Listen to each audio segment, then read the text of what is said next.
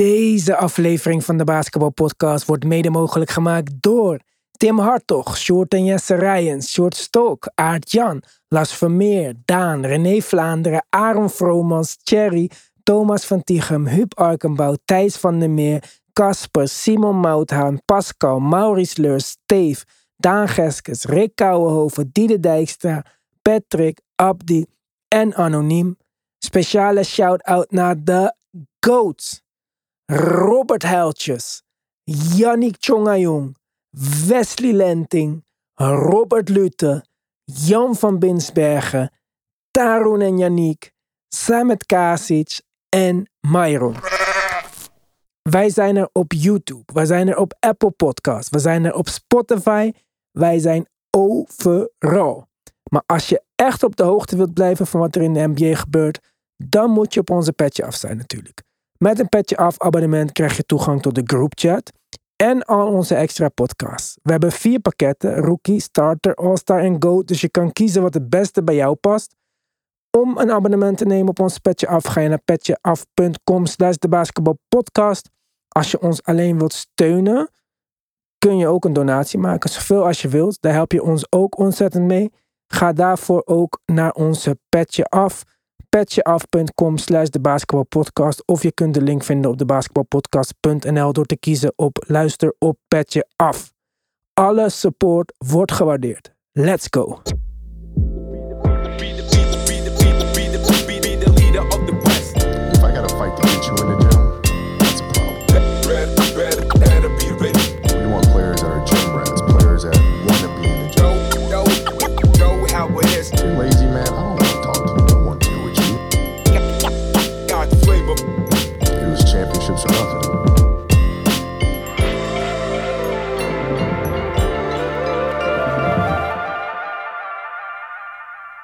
Ja, daar zijn we weer. Het lijkt eh, op de een of andere manier, Tim, wel eh, alsof het wat langer geleden is dan normaal of zo. Ik weet niet of die dag Thanksgiving ertussen zat of zo. Eén dag geen wedstrijden. Het is niet alsof ik eh, een soort foodcoma had van de turkey, aangezien wij daar niet aan doen. Maar het lijkt alweer even geleden dat wij erover gepraat hebben. En in de tussentijd zijn er toch een aantal dingen in me opgekomen. En ik dacht, dat moet ik toch eventjes met Tim bespreken. Ja. Dus als je het goed vindt, wil ik graag beginnen met mijn eerste, ja, dat ik dacht van, hé, hey, is dat nou gek? Ligt dat nou aan mij? We hebben natuurlijk een aantal supermax players in de NBA. En over de meeste van hen hoor je regelmatig wat. Giannis, Steph, Jokic, Luka, Embiid, zelfs Towns, Booker, Lillard. Maar er is er eentje bij en hij schoot echt in mijn hoofd deze week dat ik dacht van... Volgens mij heb ik het hele seizoen nog geen nieuws over deze jongen gehoord. Bradley Beal is misschien Ja. wel de meest anonieme supermax player in de NBA. Ja, de enige met een no-trade no. Ja. Ook nog. Misschien Ook daarom kan die heel stil blijven, omdat het allemaal niks uitmaakt. Ja, Dus ik dacht, laat maar even kijken dan. Want ik heb wel een paar Washington-wedstrijden gezien. Maar ik zeg ook eerlijk dat ik ze niet allemaal eh, aandachtig heb zitten bekijken. Ik dacht, nou, waarschijnlijk heeft hij gewoon nog maar vijf wedstrijden gespeeld of zo. Hij heeft 13 wedstrijden gespeeld. Hij speelt 37 minuten per wedstrijd. ja. Ik heb niks gehoord over Bradley Beal dit jaar. Nee. nee, omdat het misschien toch wel een beetje eh, als vanzelfsprekendheid wordt aangenomen. Eh, omdat Washington het stiekem helemaal niet zo verkeerd doet. Maar dat ja, toch al gauw eh, in de handen van bijvoorbeeld KP, die het eh, wel dan weer goed doet. En een aantal andere jongens die het eh, nou, naar omstandigheden ook best wel, best wel oké doen. Die worden toch al gauw genoemd. En Bradley Beal, die toch wel een ster op dat team is, die wordt, ja, ik weet ook niet zo goed waarom, maar toch al gauw over het hoofd gezien. Of nou, wat ik zei, als een soort van zelfsprekendheid aangenomen of zo. Maar waarom? Want in de afgelopen jaren hebben we wel vaker wat over hem gehoord. Ja. Ja, omdat dit misschien een beetje is wat men van hem verwachtte. Ja, waarbij dan andere spelers bedoel je het boven. Bijvoorbeeld Koesma Ja. scoort opeens 20 punten per wedstrijd. Dat is misschien ook ja, boven verwacht. ja, doet het goed. En Porzingis is natuurlijk eindelijk een beetje bezig aan een, ja, sommigen noemen het de renaissance. En ja, dat krijgt dan natuurlijk al gauw de aandacht. Misschien is dat een beetje de reden. Ja, die renaissance van Porzingis is ook een 20 punten. Eigenlijk Porzingis carrière, als je zo kijkt. Het is gewoon Hij scoort al meer dan 20 punten per wedstrijd. Eigenlijk sinds 2017. Is Ja. hij gewoon boven tw- 20 punten per wedstrijd. Ja, dit is. eh, de- als je kijkt naar zijn, eh, zijn productie, is dat eigenlijk nooit heel erg slecht geweest. En is het meer gewoon zijn, ja, zijn lack of availability. En ook met name in belangrijke momenten. Nou, het hele verhaal eh, in Dallas natuurlijk. Ja, en dat hij dan nu gewoon een beetje constant op de vloer staat. En, en belangrijk is. Niet alleen aan de aanvallende kant, maar voor Washington zeker ook aan de defensieve kant. Ja, dat is natuurlijk wel iets waarvan men zegt: hé, hey, dat, dat hebben we een tijdje bij KP wel gemist. Maar wat was dat Dallas dan ook alweer in het kort? Ik bedoel, ja, eh, we weten al, tenminste, laat me zeggen, we, laat me zeggen wat ik weet. Ja. Het is een beetje, eh, wat ik weet erover is, nou, het werkte toch niet helemaal met Luca. En ja, dat was het eigenlijk. Ja, dat was het voornaamste. Terwijl als je eh, puur afgaat op de stats die, die Porzingis toen postte, dat misschien nog helemaal niet zo verkeerd was. Maar het was gewoon, hij was niet het profiel tweede ster die Dallas en met name Luca nodig hadden. En eh, dus dat, ja. Het, Maar wat mist er dan? wel- Wat zeg je? Maar wat mist er dan aan hem zoveel? Want ik kijk hier naar zijn cijfers. cijfers Ik weet niet of er veel aan hem miste. Ik denk dat het gewoon, want dat is misschien ook wel iets wat, wat we niet genoeg kunnen benadrukken. Ik weet niet of hij het zo verkeerd deed. Alleen het was niet de oplossing voor, laten we zeggen, het, het team en de, en de needs die dat team toen hadden. En nog steeds, ik bedoel, het is, eh, hij, hij is denk ik ja, iets anders dan dat eh, Luca graag naast zich eh, had staan. Geen, geen big guy die een aantal touches wil hebben en af en toe wilde posten. Waarvan iedereen dacht, moet dat nou? Hmm. Ehm, en ja, dat verdiende een plek op zichzelf. En ik denk dat hij dat bij Washington meer kan doen. Dat ze dat eh, helemaal niet zo'n eh, niet zo'n probleem vinden. En dat hij ja, wat beter past bij een team dat... Kijk, Bradley Beal is, is één, maar is er niet altijd. Eh, ze hebben daar natuurlijk een dynamiek met Kuzma... die ook graag wel veel schoten wil. eh, de focal point of attack wil zijn. Dat niet altijd is. Het, het, maar het, is- het is wat meer free-flowing daar... dan dat je te maken hebt met een Super zeggen. Luca-dynamiek. Nou, En waar je, waar je omheen moet functioneren. Mooi dat je dat zegt, want eh, gisteravond, wij nemen dit op zondag op, hadden we natuurlijk Dallas vroege wedstrijd. Ik dacht, ga niet kijken, want bij Toronto speelt niemand, dus dit wordt gewoon easy voor Dallas. Ja. En niet alleen was het niet easy voor Dallas, dat mag je zo gaan zeggen waarom dat was, maar het was ook zo dat Maxi Kleber eh, closing minuten speelde over Christian Wood.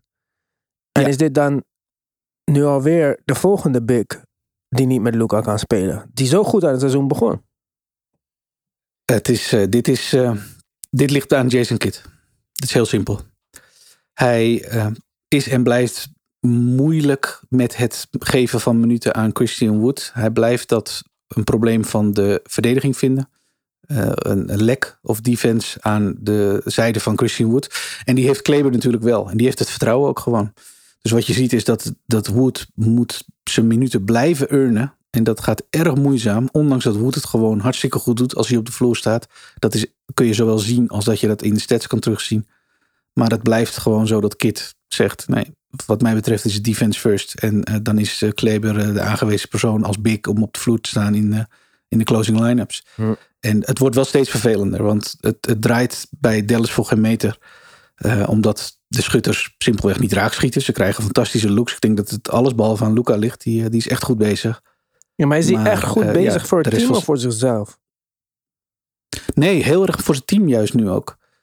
Hij is echt een elite aan het playmaken. En hij geeft zijn team, en, en met name die schutters natuurlijk, fantastische looks. Maar er wordt continu niet, of er wordt constant niet goed geschoten. Niet goed genoeg geschoten. Ver van zelfs. Eh, als je kijkt naar jongens als Reggie Bullock, hele seizoen al. Tim Hardaway, hele seizoen al. Ook Kleber schiet niet goed. Maar goed, die heeft natuurlijk ook wel defensieve waarde. Ehm, en ja, dat, dat wordt problematischer en, en problematischer. En dan zou je zeggen, joh, maar je hebt ook nog iemand als Wood op de bank zitten. Die kan die hele aanval een andere dynamiek geven. Want dit is een van de weinige jongens die wel zelf kan creëren. En daar hebben ze bij Dallas verder helemaal niemand van. Nou ja, dan, dan heb je een coach in Kit die zegt, ja, dat zal best. Maar eh, wat mij betreft is het defense first. En dat, dat kan Wood niet goed. Dus eh, dat betekent dat hij, eh, nou ja, niet voldoende speelt. Want dat is eigenlijk wat er nu gaande is. Oké. Nou, ja. Dan eh, hoop ik dat hij niet echt in het doghouse terechtkomt.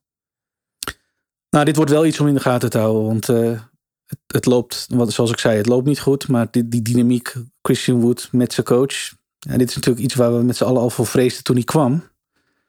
Ja, het is jammer dat, dat Kit niet gewoon weet wat hij in huis haalt. En hem in ieder geval een beetje de ruimte geeft om... eh, Maar het ging zo goed, juist. In het begin. Ja, het is in het begin wel. Ja, dan is het, het, het waren de witte broodsweken en Wood doet het goed. Ik, nog, ik, ik blijf zeggen dat Wood het ook wel goed doet in zijn minuten. Maar ja, hij moet wel een beetje de ruimte krijgen om Ja, ik vind het gek. te spelen. Ik vind het gek dat Luca alle ruimte van de wereld krijgt om te spelen hoe hij wil spelen.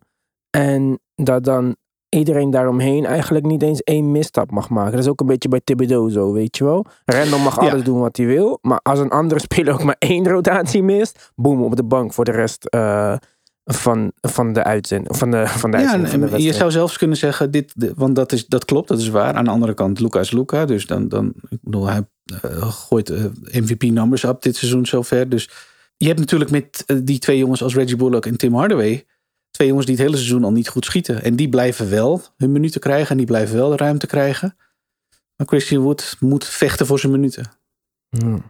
Ehm, ik wierp deze week een blik op de, op de standings. En zag toen, ondanks alles wat we de afgelopen maanden besproken en voorbij hebben zien komen, dat Boston en Phoenix gewoon weer bovenaan staan. Mhm. In respectievelijk het oosten en het westen.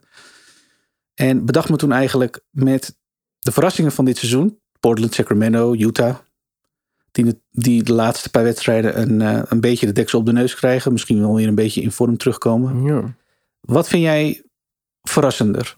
Dat we Phoenix en Boston gewoon aan de, aan de kop van de ranglijsten hebben staan?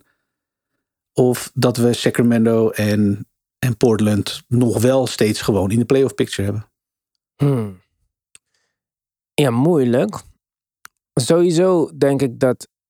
Kijk, voor zowel Phoenix als Boston kan ik niet zeggen dat ik het super zag aankomen. Want ik dacht dat de Suns iets slechter zouden zijn. En Boston hadden natuurlijk deze hele chaos aan het begin van het jaar.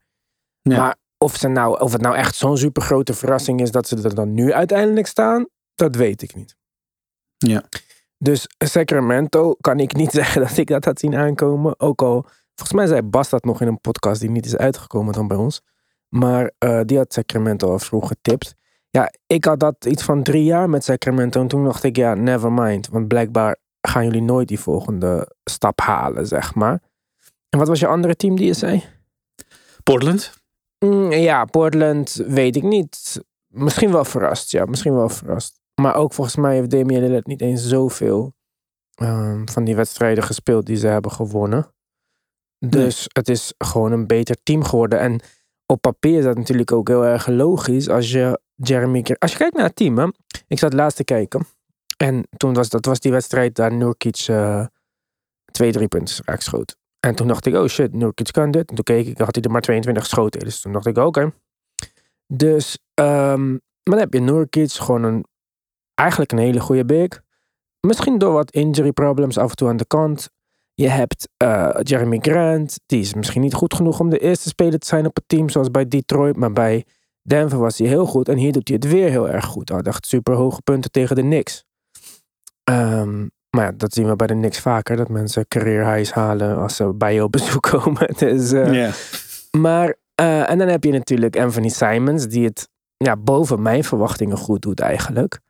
Ja. En een van mijn eh, lievelingsspelers, dan misschien mijn lievelingsspeler op het Portland roster, is ehm, Josh Hart. Ja. Ja, super harde werker, super goede rebounder voor zijn eh, positie. En dus dat is al een veel beter team dan wat ze ooit hebben gehad, denk ik. Of in ieder geval de laatste jaren. Maar nog steeds geloof ik niet echt in een Damian Lillard speerpunt team. Dus, ehm, maar ik ben wel verrast dat ze in ieder geval nu er zo voor staan. Ik weet uit mijn hoofd niet wat hun schedule was. Of het moeilijk of niet zo moeilijk was. Maar eh, ik dacht toen ik die wedstrijd keek van misschien moeten we gewoon Damian Lillard treden voor eh, twee, hele andere, twee andere hele goede pieces. En eh, lekker verder gaan met dit teamteam. ja, want het is, het is wel meer dan Dame inmiddels. Het is wel echt een, Ja, het is wel echt zeker. een leuk team. Zie, zie, jij ze, zie jij ze als legit in, in het westen? Contender, dus nee, nu? nooit. Want in de playoffs gaat dit fout. Want dit kleine backcourt kan niemand verdedigen. Ja. Dus ja, leuk dat ze goed spelen. Maar zolang Damian Lillard 40 minuten op de vloer staat... en Anthony Simons is zijn tweede guy, dan wordt het gewoon lastig. En Josh Ja. Hart is fucking goed. Maar ja, je, je eerste drie spelers zijn gemiddeld eh, 6'2.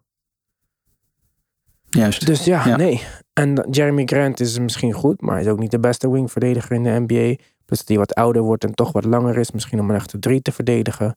Nurkic is altijd off the floor, dus ja. Ja. Ik denk dat het lastig wordt. Mijn grootste verrassing als ik kijk naar de standings zijn de Nuggets. Wel hè? Ja. Gewoon nummer twee. Tweede. Ja. Ja. En zeker na het begin van het seizoen, waarin ze niet direct overtuigden of zo, vond ik tenminste. Ondanks dat Michael Porter Jr. het, eh, het, het wel redelijk deed, wel aardig deed. Schietend. Dat had ik dan weer niet verwacht. Ehm, staan ze uiteindelijk nu gewoon tweede. Ja, ik vind dat echt wel knap. En, en ik had dat, ja. Nou, ik heb het eerder gezegd, we hadden, ik denk dat de meeste Denver wel boven in het westen hadden, maar niet dit, zeg maar. Ik had het sowieso niet verwacht. Ik dacht ook helemaal niet dat ze daar stonden doordat ik het zag. Omdat ik, mijn herinnering was, nou, een paar games van Jokic gemist. Ehm, Jamal Murray niet echt eh, terug op zijn oude niveau. Misschien heb ik net een los hier en daar gezien. Maar toen stonden ze zomaar daar eh, boven in de standings. Het is natuurlijk ook nog zo in het westen. Sta je met de 500 record nog rustig op de 11e plek. Hè? Dus Ja, je moet wel echt winnen, winnen om in de playoffs te zijn. Waar je met een, in het oosten met een 500 record eh, sowieso in de playoffs bent. Ja die, dat, dat is wel een aantekening waard in het westen. Want het- wat is het? De, de top, nou inmiddels de top 8 staat op twee wedstrijden van elkaar. Dus Ja. het is wel, eh, je- wat je zegt, je moet wel boven de 500 zijn om überhaupt eh, te kunnen meedoen. En ja, we gaan denk ik daar nog wel een soort van verschuiving in zien. Want Ja. het staat zo dicht op elkaar nu. Dit zegt niks, joh. Kijk, de 11e in het westen is, zijn de Mavericks. En die zijn Ja. 500 met 3,5 wedstrijden verwijderd van de Suns. Ja, het is maar één streak, eh, hot streak, winning Juist. streak en eh, je bent daar. Maar zit Ja. wel al op 20 wedstrijden gespeeld, hè. Dus dat is toch één, Ja. dat is een kwart van het seizoen. Dus Ja. het is wel dat de basis is oké. Ik vraag me eigenlijk meer af, want eigenlijk alle teams, als je er naar kijkt, die nu in het westen erin staan, op de Jazz na, had je daar ook verwacht, toch? Dus eh, van 1 tot en met eh 11, laten we zeggen. In het westen? Ja, Ja, ik, eh, ja wel in andere volgordes. ja maar, 10 ja, van de klopt. 11 Ja. teams die ik daar zie, had ik daar verwacht. Zeg maar. Ja, alleen Utah niet. Nee, Utah had Maar ik niet verwacht. Ja, ja. En dan vind ik, als je nu kijkt naar OKC, dan, naar hoe ze spelen, dat zij ook ja, echt de nummer 12 zijn, zeg maar. zeker. Ja, ja onder, leiding van, onder leiding van een van de leukste spelers in de NBA dit jaar. Ja, Shea is echt fantastisch. Maar ik ben benieuwd hoe dit zich gaat uitpakken. En of we nog, ja, verschuiving krijgen we zeker. Maar of er echt mensen ja, uit die top 11 gaan vallen, zeg maar. Ik neem aan dat de Lakers, dat er in ieder geval een hoop Lakers-fans zijn die hopen dat de Lakers aansluiting vinden bij deze top eh 12. Recht hebben op play-in eh toernooiteams. Maar ja, het wordt niet zo makkelijk of zo. Dan moeten de Jazz echt vallen en de Thunder echt stoppen. Ja. Ik eh, was, en dat ben ik oprecht wel even benieuwd naar wat jij vindt van de verrassing in het oosten tot nu toe. En dan weet je wel welk team ik ga noemen. De Pacers. Indiana Pacers. Ja. ja, kijk, elke keer kijk ik ze niet. Omdat ik denk van, ja, nee, deze gaan ze toch niet winnen, weet je wel. en gisteren dus eh, had ik... eh, nou, dat wil ik nog niet vertellen. Dat vertel ik een andere keer. Maar in ieder geval, ik dacht, nou, Brooklyn Pacers, dat ga ik wel even kijken, toch? Ja. Ben Simmons is goed bezig. Misschien kan Ja. die me weer eh on board krijgen. Dus, maar ik heb die wedstrijd echt twee keer gekeken, letterlijk. Eén keer op Ja. session recap, één keer de hele wedstrijd. Maar ik had zoveel dingen tussendoor te doen dat ik er niks van heb gezien. Ik heb geen idee hoe ze deze wedstrijd hebben gewonnen. En toen keek ik in, want ik had niet eens dus door dat Ben Simmons een hele goede wedstrijd had. En toen keek ik op de, in de boxscore. En zag ik Ben Simmons 20, 20 punten. Iedereen had 20 punten. En alsnog hadden de Pacers gewonnen. Ja, in het vierde kwart. De Pacers begonnen eh, eh, slow en dat doen ze het hele seizoen al. Dus eh, als je het eerste kwart had aangezet en wat had gezien, had je waarschijnlijk gedacht, nou, dit is wel in kat in het bakkie voor, voor Brooklyn. Ja. Maar in het vierde kwart draaide dat eigenlijk min of meer om. En wat je zegt over Simmons klopt ook wel. Ja, hij ehm, gaat toch een beetje, omdat hij zo allround is natuurlijk. Als je gaat kijken naar de boxscore, want hij, doet, hij kan alles, doet alles. Ja. Punten, rebounds, assists. Dan ehm, zie je hem in de wedstrijd, valt hij al niet eens meer op. hij, eh, hij speelt gewoon echt goed. Veel beter dan hij deed. ja. Maar in een wedstrijd gaat dat vrij natuurlijk, vind ik. Het ziet er vrij natuurlijk uit. Ja, dat is de bedoeling Alleen ja, ook een in het beetje. vierde kwart... eh, Want hij was Zei foul je? out, toch? In het vierde kwart. Ja. Maar was het echt eh, heavy foul out? Dat je zegt, oh, stom, stom. Of ja, gewoon fouten opgepikt in de loop van de wedstrijd.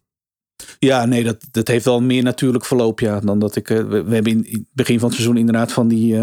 van die ja, domme, domme tussen aanhalingsvoorbeelden gehad. Of het feit dat hij op een big Ja. stond te verdedigen. en daardoor eh, al gauw in foutenlast kwam. Ja, dat gaat wel wat beter nu. Ja, dat bigs verdedigen is eh, lastig. Ik vind de Nets niet zo leuk om te kijken. Ik vind eh Royce O'Neal vind ik verschrikkelijk. Ik weet dat hij het juist heel goed doet. Maar ik vind juist dat hij het zo goed doet. Dat zou niet moeten, zeg maar. Hij moet echt de quiet vijfde man zijn in je starting line-up. En Ja. juist dat hij zoveel moet doen. En dat nu nog even goed doet. Maar op sommige momenten, naar mijn mening, dus niet goed genoeg. Ja, dat vind ik altijd. Dit team is uit balans, man. Ik hoef het niet, eh, ja, ik hoef het niet per se te zien.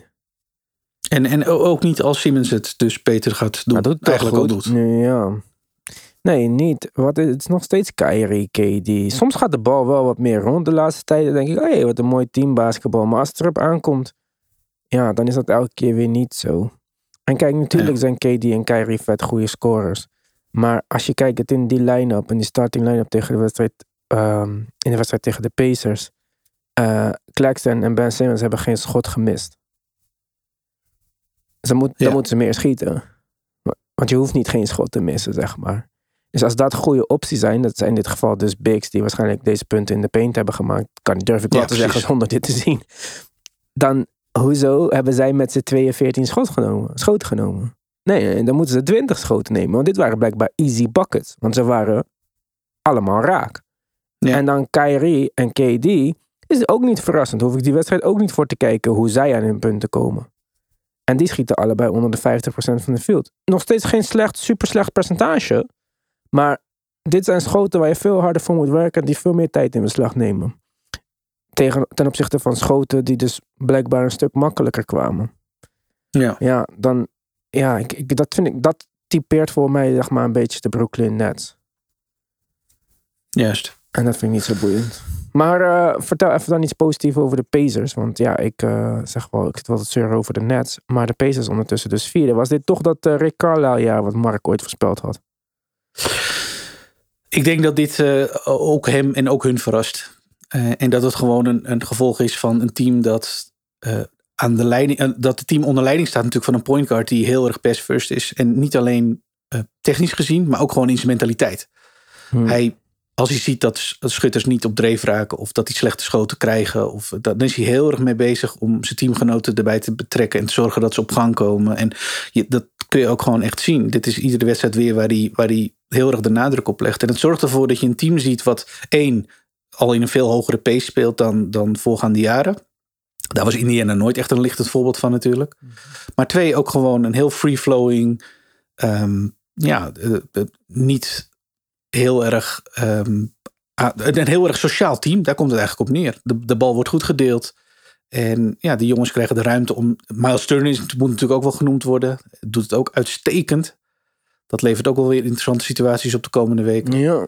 Maar goed, die, die, die puzzel. We hebben dit natuurlijk in het begin van het seizoen bij de Utah Jazz ook gezien. Zo'n soort recept. Niet zozeer onder leiding van een point guard. Die, maar, maar wel een team dat niet te veel aan zichzelf dacht. Individueel gezien. Maar gewoon lekker, ja, redelijk free-flowing. De bal werd goed gedeeld. eh, aan zijn punten kwam. En dat geldt voor de Pacers ook. Ja, en dan leidt dat tot dit resultaat nu. Wat niet wil zeggen dat de Pacers hier over 20 wedstrijden nog steeds staan. Want dat Mhm. verwacht ik nog steeds niet. Maar wel dat ze toch op, ja, op een aantal momenten heel leuk aan hun overwinningen komen. En eh, ja, gewoonweg boven verwachting presteren. Dus ja, ze zijn, eh, en ze zijn een stuk leuker om te kijken. Dat is gewoon zo. eh, voor, de, voor de neutrale fan. Omdat ja, er wordt veel sneller gespeeld. Tyrese is überhaupt een leuke point guard om te kijken. En, en een Miles Turner die het niet alleen verdedigend, maar ook aanvallend goed doet. Ja, dat, dat zijn, wel, eh, zijn wel leuke combinaties. Hoor. Ja, interesting. Ik zie hier zes spelers met dubbele cijfers. Vier Ja. daarvan boven 20 punten. Kijk, dat, daar Ja. hou ik van. Dat vind ik echt mooi. En je zei net Ja, point guard, maar Mike Conley was ook heel belangrijk bij de Jazz dit jaar. En nu dat hij oud is, verliezen ze ook die aantal wedstrijden op rij. Ja, ja, ja, dat is waar, Niet, eh, absoluut. geheel Ja, toeval, eh, denk ik. Over point guards Ja. gesproken. Ik zat eh, naar een point guard te kijken van de week. En ik dacht bij mezelf... deze man is bijna 35. Maar volgens mij is hij gewoon nog beter dan dat hij was. En ik weet niet of je weet over wie ik het heb. Maar dat gaat natuurlijk over Stef. Ja. Ik kon het even niet geloven. Ik dacht, ja, heb ik het nou mis of zo? Weet je wel, zie ik alleen de goede momenten. Want ik ben geen Warriors stan of zo. En ze speelden tegen de Jazz. En dat was een wedstrijd die ik graag wilde kijken. En ik heb, ik heb ze al een paar keer gezien. Meer dan dat ik ze al vorig jaar heb gezien. En vorig jaar was eigenlijk misschien de eerste finale dat Stef echt de onbetwiste man was, zeg maar. Ja. En dat wil ik helemaal niet zeggen dat hij natuurlijk niet goed was, want hij had twee MVP's daarvoor gewonnen. Maar dat hij echt, echt, echt de man was in de finals. Maar als ik hem nu zie, hij lijkt wel gewoon nog beter. Dus ja. ik ben even Ja. naar, onze, naar onze lokale Warriors-expert gegaan, Robert Heiltjes. Ja. Want ik dacht, ja, die kijken alle wedstrijden, dus laat me gewoon even aan hem vragen. En hij zei, nee, nee, dat, dat, dat klopt wat je zegt.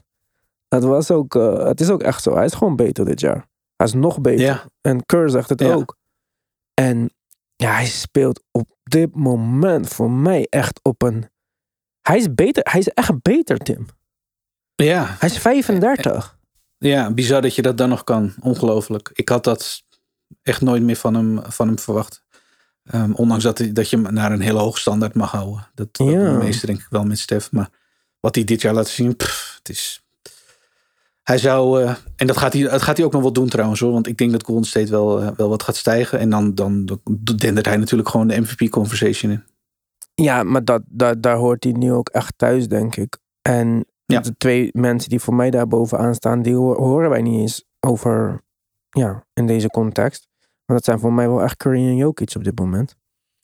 Maar toen Ja. bracht het ook weer een andere vraag in me op. Of tenminste, dat ik dacht van, ja, als Curry dus nu echt op zijn piek is, als, als dit doorgaat, als dit een seizoen wordt, dan hoe lang denken we dat hij deze, dus piek heb ik over, nog kan vasthouden?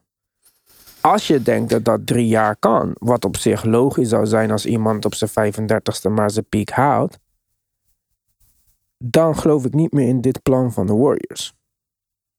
Want mijn idee over de Warriors was dat iedereen langzaam ging afbrokkelen. En dat we daarom een overgang gingen maken naar een nieuwe dynasty met jonge spelers. Maar als dat niet het geval is, ja, dan weet ik niet of ik, als ik bij de Warriors betrokken was, in welke functie dan ook, ja, nog zou moeten nadenken over, ja, Paul kan je even niet treden, want die heeft zo'n poison pill contract. Maar Ja. Kuminga, waar ik niks tegen heb, en Wiseman, wat die ik niet zo bijzonder vind, ja, misschien moet je ze wel treden dus. En misschien is dat niet leuk en misschien neem je daarmee een risico. Maar ja, je neemt ook een risico door niet de prime van Stef te benutten. Om misschien nog wel één of twee titels te halen in de komende drie, vier jaar.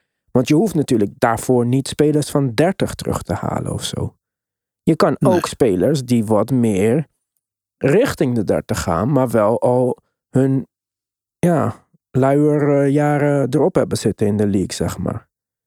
En ja, ik noem duizend keer dezelfde spelers. En toevallig heeft die, ik nu wil zeggen, ook nog eens gestruggeld in dezelfde wedstrijd. Maar stel je voor dat je wel een Wiseman trade voor Markkanen. En dat je wel een Cominga of zo weet te flippen voor Wendell Carter Jr. Ja, twee van mijn eh, go-to, eh, ik wil dat ze getrade worden, ook al lijken zij het zelf prima naar hun zin te hebben, spelers. Mhm. Maar dan heb je twee spelers van midden 20 die ready to play now zijn. Die naar mijn mening uitstekend in dit Warriors systeem zouden passen. Want dat is wel een tricky iets, passen in een Warriors systeem. Want dat doet niet Ja. iedereen. En dat Nee. zouden zij wel kunnen, denk ik. Als je kijkt naar hoe Laurie nu speelt en hoe die van de zomer heeft gespeeld. Dan ja, denk ik dat hij geschikt is voor dit systeem. Plus dat ik vind dat hij naast zelfs naast Draymond of zo, zou een unieke rol vervullen. Want hij kan een klein beetje rim protection geven. En hij kan de floor spacen. Dus dan heb je lengte op de vloer met extra shooting. Dat is interessant. Ja. En Wendell eigenlijk een beetje hetzelfde. Kan ook de floor spacen. Is een goede verdediger. Maar is misschien ook weer een best wel hele goede playmaker. Ik, eh, ja, ik weet niet, dit vind ik misschien Mm. de meest underrated Ja. speler in de NBA. Als ik Boston was, zou hij mijn nummer één target zijn als protégé voor Horford, zeg maar. Maar ook voor de Warriors zou ik dat dus echt een mooie move vinden om twee van dat soort guys te halen.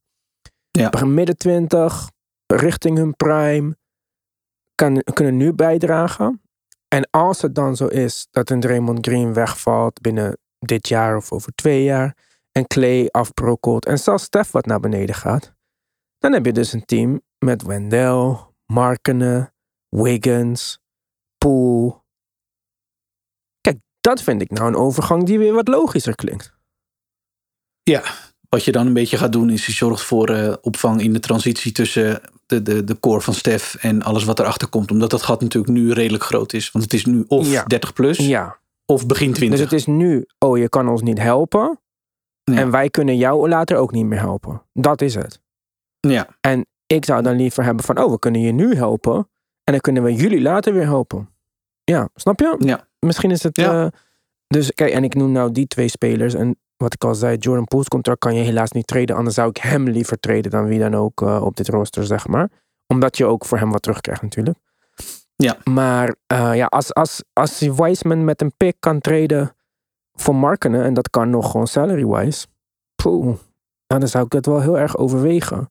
En als de Jazz nog een paar wedstrijden verliezen, ja, wil je dan Markenen houden? Ik weet het niet.